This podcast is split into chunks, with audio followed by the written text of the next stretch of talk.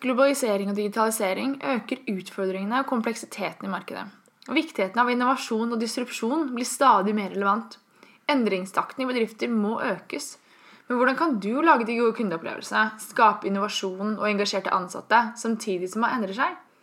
Hele 75 av nordmenn føler jo lite eller inget engasjement i jobben sin. I en undersøkelse fra Deloitte i 2017 så sier hele 94% at smidighet og samarbeid er kritiske faktorer for at deres organisasjon skal få suksess. Men kun 6 mener selv at de er smidige. Hva innebærer det egentlig å være en smidig organisasjon? Kan alle organisasjoner bli smidige? Dette og mer ønsker vi å diskutere gjennom Smidigpodden. Vi håper på å finne noen av svarene. Jeg heter Ida. Og jeg heter Tobias. Velkommen til Smidigpodden. Hei. Velkommen til eh, episode tre av Smidigpodden. Nå er det ca. en måned siden vi slapp ut første episoden vår på podden. Tiden går fort. Da var det et regnet Oslo. I dag er det et snøfullt Oslo. Så eh, vinteren har kommet, og julen er snart her. Ja, tredje advent i morgen. Tredje advent i morgen. Har du kontroll på julegavene dine? Ja. Sånn cirka. Ikke, ja, det er en grei kontroll. Så bra. så bra. Jeg føler at mine, mine julegaver er også under ganske kontroll. Jeg fikk henta noe ting på posten i dag, så det er Ja. Vi har gjort det veldig enkelt. Vi eh, skal ikke kjøpe julegaver til hverandre. Nei, det hjelper veldig, det. Ja, det hjelper veldig. Yes, Dagens episode er delt inn i to. Um, overordnet tema er hva er smidig transformasjon. Det er noe flere har ønsket seg at vi skal snakke om. Og det er noe vi tror kan bli en veldig spennende episode. Så den blir delt inn i um, hva smidig transformasjon er, og hvordan gjør man det. Ja, så da tenkte vi ta reflektere eller diskutere litt rundt det. Det er et ganske si, komplekst og vanskelig tema. Og sånn innledningsvis så må jeg vel i hvert fall si at min standpunkt er at det kommer veldig an på selskapet. Så at um, det er liksom kanskje ikke, Det fins ikke et fasitsvar der ute, men jeg håper at vi klarer kanskje gjøre noe ting å se på eller tenke på, eller eh, noe som gjør at dere kommer i gang, i det minste. Så er det sånn at det har skjedd noe på mikkfronten. Vi hadde et Igjen? eh, igjen, ja. Vi hadde et eksperiment forrige gangen med to mikker. Det fungerte ikke helt. Noe med at den feedback-beskyttelsen gikk inn og kutta litt, tror jeg. Så vi fikk eh, fått feedback på at lyden ikke var så bra. Så i dag er vi faktisk tilbake på en mikkoppsett. Men da med den nye, dyrere mikken som støtter lyd fra to veier, kan man si. Så nå sitter vi midt over hverandre og snakker inn samme mikrofon. Så det blir interessant å høre om det her kanskje er oppsettet som er eh, Om det er bedre. Om det er bedre, om det er det Ja. vi skal fortsette med. Yes. Skal vi kanskje komme i gang litt med dagens tema, eller? Jeg syns det er en god idé. Yes. Skal du dra, dra litt oss i gang i det? Ja, hva er smidig transformasjon? Det ligger jo egentlig litt i ordet hva smidig transformasjon er. Det handler jo om å endre organisasjonen til å bli mer smidig. Eller avdelingen du jobber i, alt ettersom uh, scope til uh, Vi snakket litt i forrige episode om endringsdyktighet. Så jeg tenker det er kanskje et navn som kanskje er lettere å skjønne. Du ønsker en organisasjon som er endringsdyktig eller endringsvillig eller god på å håndtere endring, eller hva du måtte ønske å legge for ord i det. Men at det er kanskje det som er ditt mål. da. Og det kommer jo av det engelske 'agile', at du er liksom lettbevegelig. Og det som er viktig å huske på når du prøver å få hele organisasjonen til å bli mer smidig, da, til å bli mer endringsdyktig, er jo det at det handler jo om å endre mer enn kun IT-avdelingen. For det er der det ofte starter, med IT-avdelingen. Naturlig nok. Ja, og det har vi jo snakket litt om, at liksom i, i IT så, så har du jo liksom Man har kanskje i alle fall gjort smidige ting i, i ganske lang tid. Uh, så mange organisasjoner har kanskje kommet i hvert fall lengre der enn i andre steder.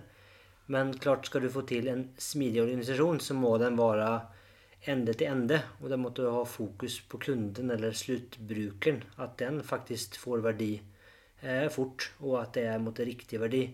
Eh, det hjelper ikke så mye at vi, vi lager et IT-system eller hva det måtte være eh, bra, hvis det ikke er noen som, som, som trenger eller har behov for det, eller de en, behovene kanskje endrer seg, eller den kunden har forsvunnet, eller hva det nå måtte være. Eller så kan man også si at det hjelper ikke at én avdeling jobber smidig, hvis alle rundt jobber på en mer gammeldags måte. For da skaper du utrolig mange avhengigheter i organisasjonen som gjør det veldig vanskelig for det første for det teamet å klare å levere på den måten de ønsker til kunden, men også at det blir så mye politiske hinder hele tiden at det er vanskelig for det teamet å kanskje fortsette å jobbe smidig. da. Og nå kommer et uh, IT-eksempel. Jeg ønsker egentlig, eller liker egentlig når jeg tar IT-eksempler, men uh, jeg måtte gjøre det likevel. Um, en sånn Klassisk så er det jo IT-utvikling og drift. Og da om du har en klassisk organisasjon, så har du jo en, en IT, altså utvikling, blir jo egentlig målt på endring. Nye features, uh, nye ting som man kan selge til kunden. Og så har du en driftsavdeling som egentlig blir målt på så lite nedetid, eller så stabilitet som mulig. Det betyr at de ønsker så lite endring som mulig. Og da har du ganske, en ganske interessant dilemma der du har en avdeling som kanskje da har til og med begynt å jobbe smidig og kan levere veldig hyppig og kommer med masse endringer. Og så har du en avdeling som kanskje til og med i worst case kanskje får noen bonus av, basert på oppetid, som gjør alt hva de kan for å stoppe alle disse endringene som den andre avdelingen måtte bombardere dem med. Og da kommer du opp i en situasjon som blir ganske kjapt ganske uhåndterbar. Så det vil du kanskje unnvike, at du har en organisasjon som, som kanskje mer går i takt med seg selv. Ja. Du ønsker egentlig at de skal jobbe mot et felles mål. Det skal det, vi jo snakke om litt etterpå. Ja. For i dette tilfellet så har de jo helt ulike mål. Ikke sant? De går jo på tvers av hverandre. Så det vi egentlig skal snakke om, er hvordan kan vi endre kulturen, arbeidsmåten, organiseringen, samarbeid, ledelse, jeg skal begynne litt med, med, kultur. Og det er jo kul, Selskapskultur er jo Hva er det? Ja, hva er det? Eh, man vet Jeg tror de fleste vet at det er viktig. Du har jo det gamle ordspråket, eller ordspråk, sitat eller quote, eller hva du kaller det, at uh, 'culture eats strategy for breakfast'. Uh, og det ligger noe i det. altså Har du en, en, en god bedriftskultur, så, så, um, så løser det vanvittig mye. Det løser opp i de kanskje utfordringene og avhengighetene og andre ting som du kanskje ellers hadde hatt. Men å få å endre en kultur på en måte til en annen er jo ingen, ingen lett oppgave. Og det er klart at ledere og ledelse blir utrolig viktig. Og det er ikke bare det kanskje man får det, altså, Jeg tror vi mennesker vi gjør ikke det som folk sier eh, nødvendigvis, utan vi gjør det som andre gjør.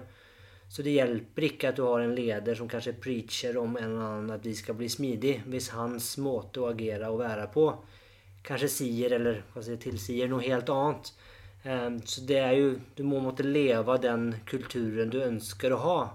Være med och skape den og leve den hver dag. Så klart har du en, en ledare som er veldig opptatt av detaljer, av rapportering, av kontroll og ikke kanskje er interessert i tillit eller, eller åpenhet, utan håller korten tett i brøsten, så vil du også få en kultur som gjenspeiler det. Men det er også litt sånn, det du sier nå, sier du egentlig 'lead by example'. Og det har jeg opplevd med flere, flere ledere. At vi sier at jo, men her har vi full Vi har jo så mye åpenhet og tillit. Men når du faktisk kommer til stykket, og du skal faktisk ta en beslutning uten lederen din, så innser du at ja, jeg har jo ikke den informasjonen jeg trenger for å ta den beslutningen.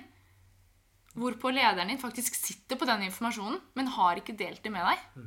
Av en eller annen grunn. Da. Og det er jo utrolig frustrerende som ansatt.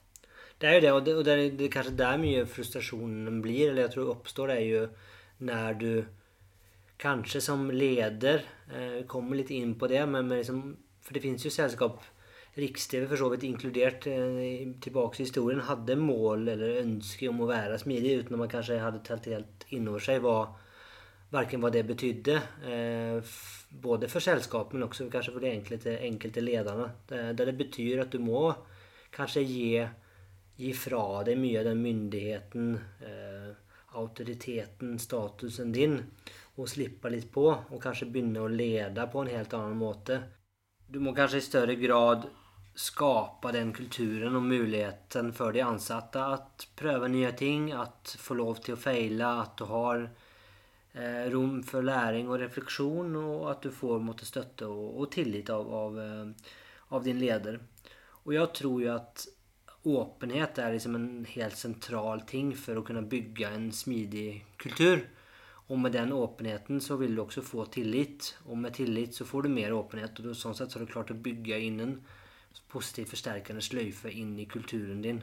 Så att ha ledare som är, är öppna och delar ting, det tror jag är helt centralt för att kunna måtte, bygga den, den uh, kulturen som du, som du ønsker, og som du trenger for å kunne, uh, kunne endre det kjapt. Og det er jo ikke å legge under en uh, sten at å lede på den måten og miste på en måte den autoritære rollen er jo kanskje veldig utfordrende for veldig mange ledere. Men bare fordi det er vanskelig, så betyr jo ikke det at ikke man skal gjøre det. Nei, og det er der vi kanskje kommer litt inn på at det er mange selskaper um, har kanskje mange hva skal jeg kalle det, småkunger mm. som sitter på sin haug. De har sine budsjetter, og de, har, de kan styre ganske fritt innenfor sine rammer. Og det er klart Med åpenhet så kan jo folk begynne å stille spørsmål. Hvorfor bruker vi så mange millioner på den reklamefilmen eller på det produktet, eller hva det måtte være? Og det kan jo være svært ubehagelig om helt plutselig få liksom, si, kritikk eller spørsmål fra alle retninger i organisasjonen. Eh, så min erfaring er at det, ofte så er det liksom Har du ikke ledelsen eller lederne med deg, og er ikke de måtte, villige å endres eller få hjelp til å endres, så er det veldig vanskelig å måtte endre kulturen. For de er en såpass sterke kulturbærere inn. da. Noe som jeg også mener er veldig viktig i dette, er at ofte så ser du at ledere for avdelinger, f.eks. De sitter på sine ressurser, og de leverer um, prosjekter i kanskje de siloene sine. Um, men det som er veldig viktig i en smidig kultur, altså den åpenheten, bryte opp de siloene, jobbe på tvers. At ledere må faktisk gi slipp på sine ressurser og jobbe sammen for, å, for the greater good. da. Ja, og det tenker jeg er viktig at du har måtte, kunden her i fokus. Og det kanskje betyr at du det kan jo være sånn at det som du er ansvarlig for, eller det du måtte jobbe med, er kanskje dessverre ikke så viktig som andre ting. Og da må du kunne gi fra deg, gi fra deg både mm, ansatte mennesker, eh, penger, hvor det måtte være, sånn at de kanskje kan jobbe et annet sted der det gir mer verdi. Og det er klart, det er jo Det går jo å se det som at du måtte miste noe som du har hatt. Og det kanskje er liksom negativt for karrieren din, eller at du ser på det som noe negativt. Og det er klart at da vil du gjøre hva du kan for å stoppe det her, for du vil jo holde på ditt. At du ser kanskje Du kanskje bygger ditt selvbilde eller statusen din på basert på hvor mange millioner du har ansvar for, eller hvor mange hundre mennesker du har ansvar for, eller hva det måtte være. I stedet for at du jobber i et selskap som kickass og, og leverer dritbra tjenester, så kanskje det ikke Så du må som, kanskje som leder og også som ansatt at endre fokus på at det det må jo være totaliteten og helheten og det som selskapet faktisk leverer til kundene, som er det viktige. Ikke det som du som individ eller avdeling klarer å få levert. Mm, jeg tror du er veldig inne på et veldig viktig på en måte, ledertrait, da, eller egenskap. Da, kanskje den å være uselvisk. Ja.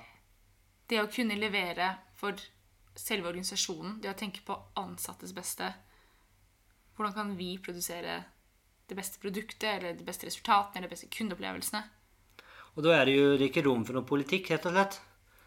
Um, og det er vel uh, kanskje spesielt større selskaper. Vi, vi sa litt innledningsvis at jeg tror at måten man håndterer en smidig transformasjon på, kommer veldig an på selskapet. Ikke bare størrelse, men kanskje også hvor lenge selskapet har funnes der. Hva er det for type mennesker som jobber der. Bransje. bransjes, ja. Eh, hva er det for type ledere der. Altså har du et selskap der kanskje kulturen nesten er smidig uten at du har, uten at du har jobba med det. Altså Tenk en liten startup som, som eh, kanskje leverer noen form av digitale produkter og har tre ansatte.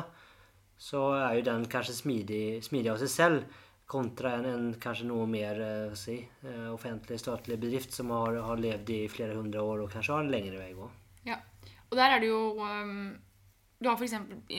finansindustrien få store banker til å bli smidig. Det har jo ikke bare med at de har levd lenge, men man opererer jo innenfor et ekstremt regulert bransje. Hvor du har mye reguleringer for å få lov til å beholde din license to operate. For å få lov til å være bank. Og da kan du kanskje ikke gjøre ting på samme måte som Spotify, da. Ja, jeg vet ikke om jeg er faktisk helt enig. Eh, det er ikke sånn at Spotify bryter loven, de heller. Jeg vet ikke om du har hørt om medieindustrien eller musikkindustrien. Det er ikke de mest um, frem på gutta som slipper fra seg rettighetene og sånne ting hvor som helst. Eh, så det tror jeg er Jeg tror ikke det er altså, det, det tror jeg er mer en unnskyldning enn et faktum, faktisk. Jeg tror at eh, det er utfordringer og problemer i alle bransjer. Eh, men det er ikke sånn at det er nødvendigvis særdeles mye enklere et sted eller et annet. Eh, og utfordringene er jeg sier ikke at det er enklere, men du har ulike utfordringer Du har som andre du må ta innover inn over deg. Ja, men det er jo ingen selskaper som opererer utenfor loven for det. Det er det ikke. For, eller det er det. Ikke så lenge, kanskje. Forhåpentligvis. Over til noe som kanskje er litt mer håndfast da, enn kultur, så er det organisasjon. Organisasjonsstruktur, organisasjonsendring. Så er det jo sånn at, som vi sa i stad, så starter jo typisk en smidig transformasjon med at det er én del av organisasjonen som endrer seg. Typisk da IT-avdelingen, eller en del av IT-avdelingen, utvikling. Typisk. Fordi det er kanskje de som har hørt om dette, og det faller dem nærmest.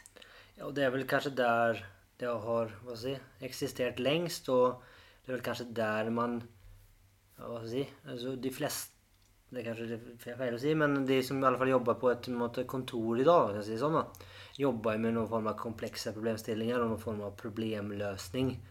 Eh, og, men, og, og det så, så det er klart de fleste som jobber med, med det, i den type selskaper i dag, har samme behov. Men, men det er klart at IT har jo alltid hatt det behovet.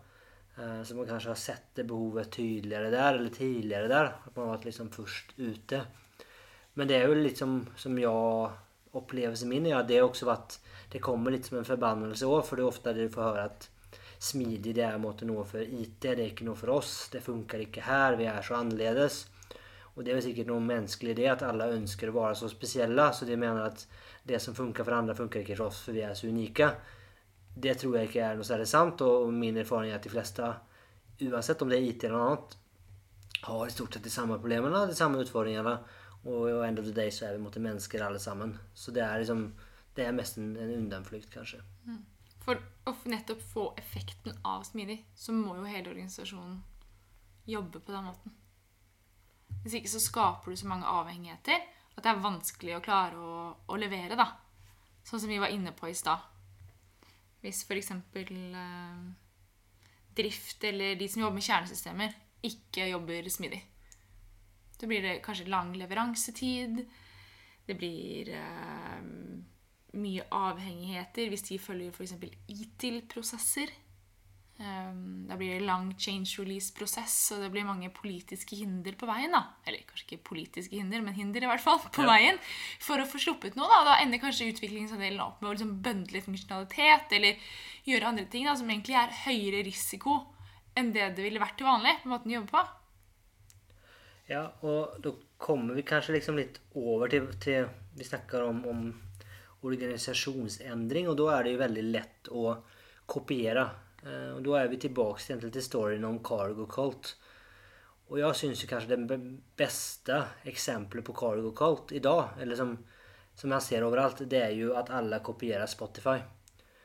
Og det er jo Plutselig så, så finnes det nesten ikke et selskap som ikke har squads og chapters og alt hva det heter. Gils. Gills og ja. Og det er jo ironien i det her liksom hele, det, det som er så morsomt, som folk, den delen som folk ikke har fått med seg, som de burde fått med seg, er at grunnen til Spotify gjorde som de gjorde, var for at de ville ha noe de kunne skape selv. De valgte navn som ikke hadde en betydning, som ikke hadde noen historikk, sånn at de fritt kunne også skape og videreutvikle den formen som de trengte i sitt selskap. Og når folk prøver å kopiere Spotify, så har de måttet missa hele poengen. For det hele poengen var at du ikke skulle ha det ikke skulle være kopi av noe annet. Uh, Så det er jo liksom nesten litt morsomt at, at uh, vi har et så tydelig eksempel som, som, som det. Uh, Og det ligger Du blir ikke mer smidig for at du har døpt av navnet på avdelingen din en tribe. til en tribe. Det er liksom, du får ikke noe effekt ut av det. Eh, og det er kanskje viktig å ta inn over seg at, at du faktisk finner en form som er riktig for selskapet ditt. Eh, og jeg syns at man absolutt kan bli inspirert og man kan lære av mange selskap, som for seg på Spotify. Men å gå inn og kopiere det som andre har gjort, det er nesten en oppskrift for failure, innom eh, min mening. Men nå er du egentlig inne på noe litt morsomt. Fordi tidligere i stad så så du at ingen er eh, spesielle.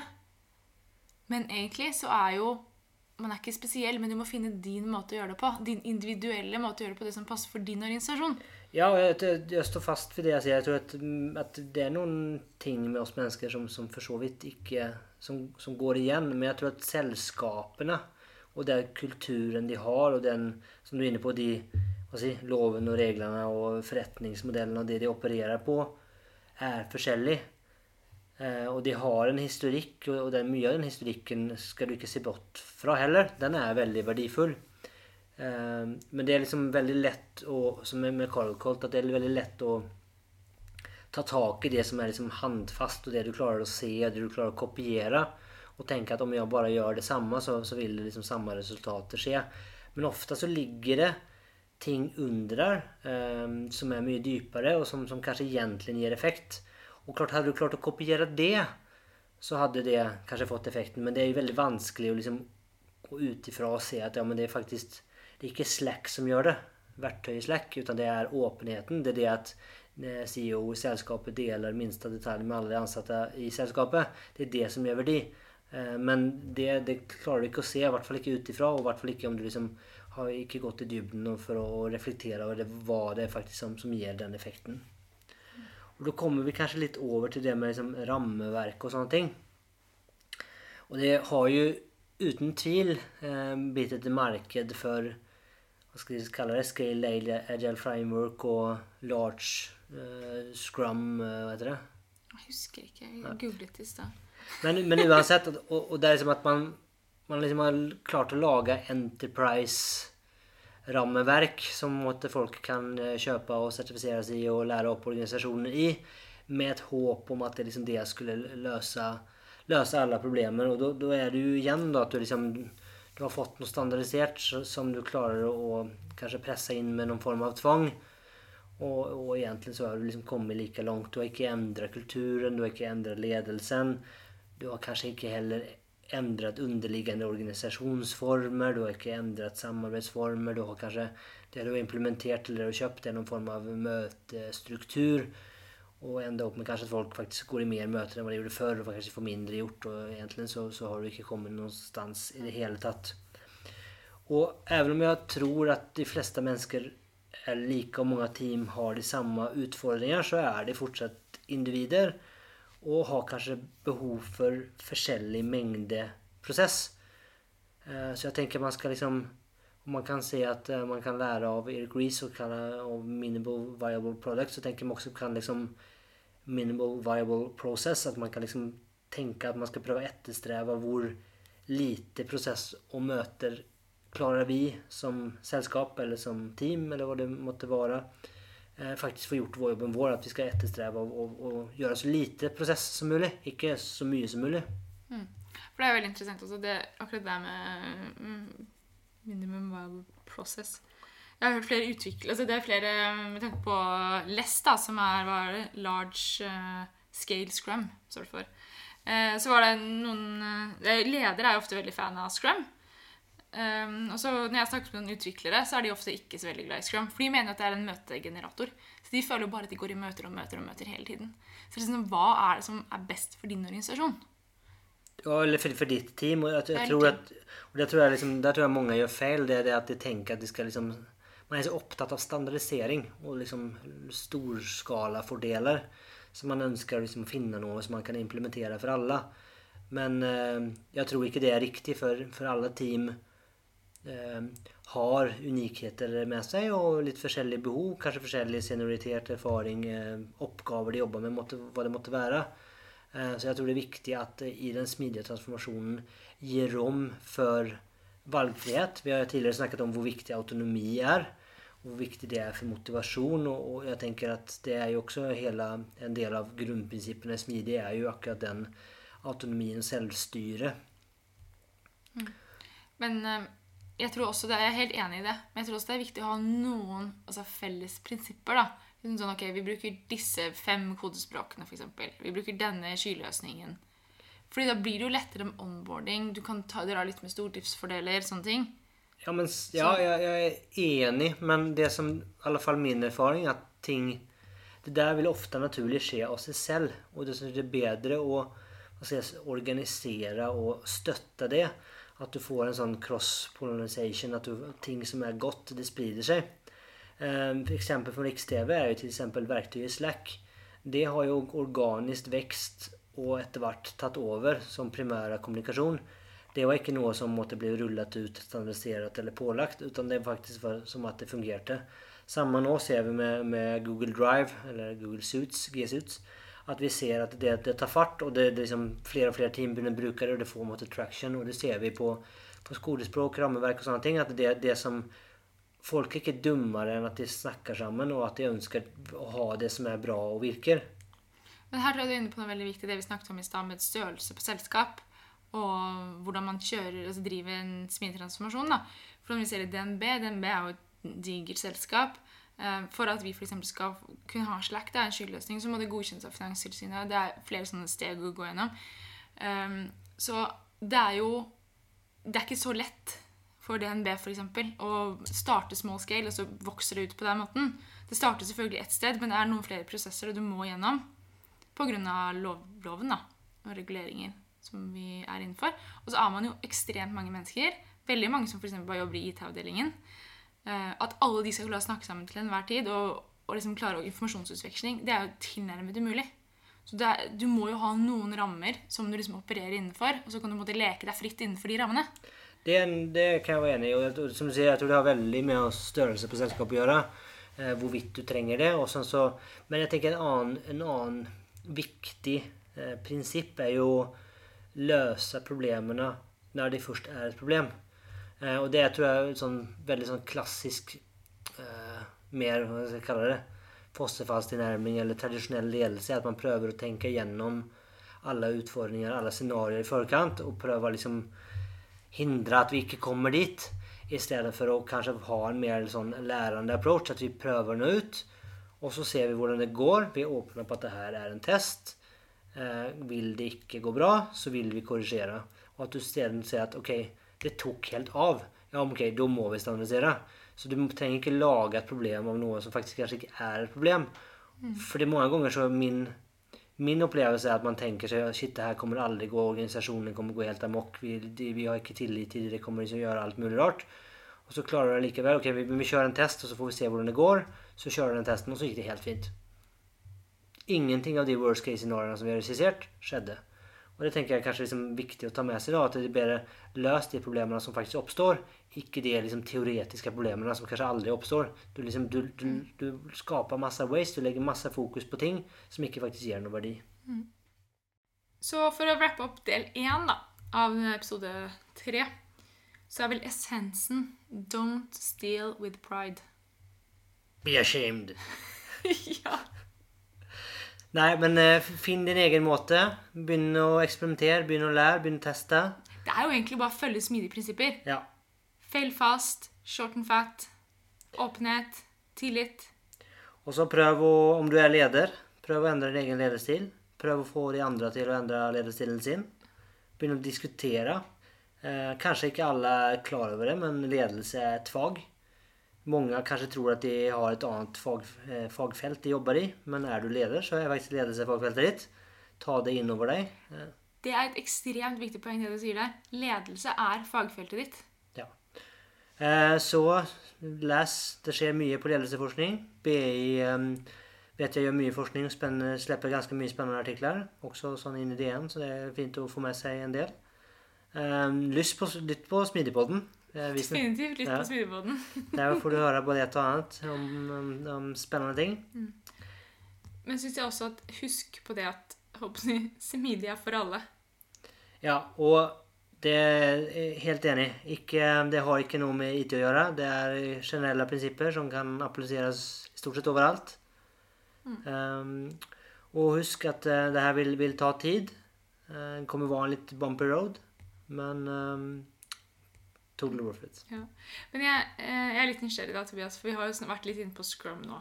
Jeg har jo mine meninger om Scrum, men hva tenker du? Skal man eh, to Scrum or not to Scrum? Eh, jeg syns at Scrum har absolutt sine fordeler. Det er et beprøvd rammeverk. Det fins bøtter og spann av bøker og videoer og litteratur og kurs og sertifiseringer.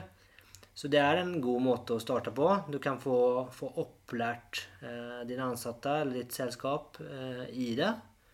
Så det kan være kanskje et naturlig første steg. Men det som kan også, det er litt sånn farlig, for at du kan, du kan gjøre scrum, eller bruke scrum, uten å være smidig i det hele tatt. Så du må være veldig bevisst i hva du gjør, og hvordan du gjør det.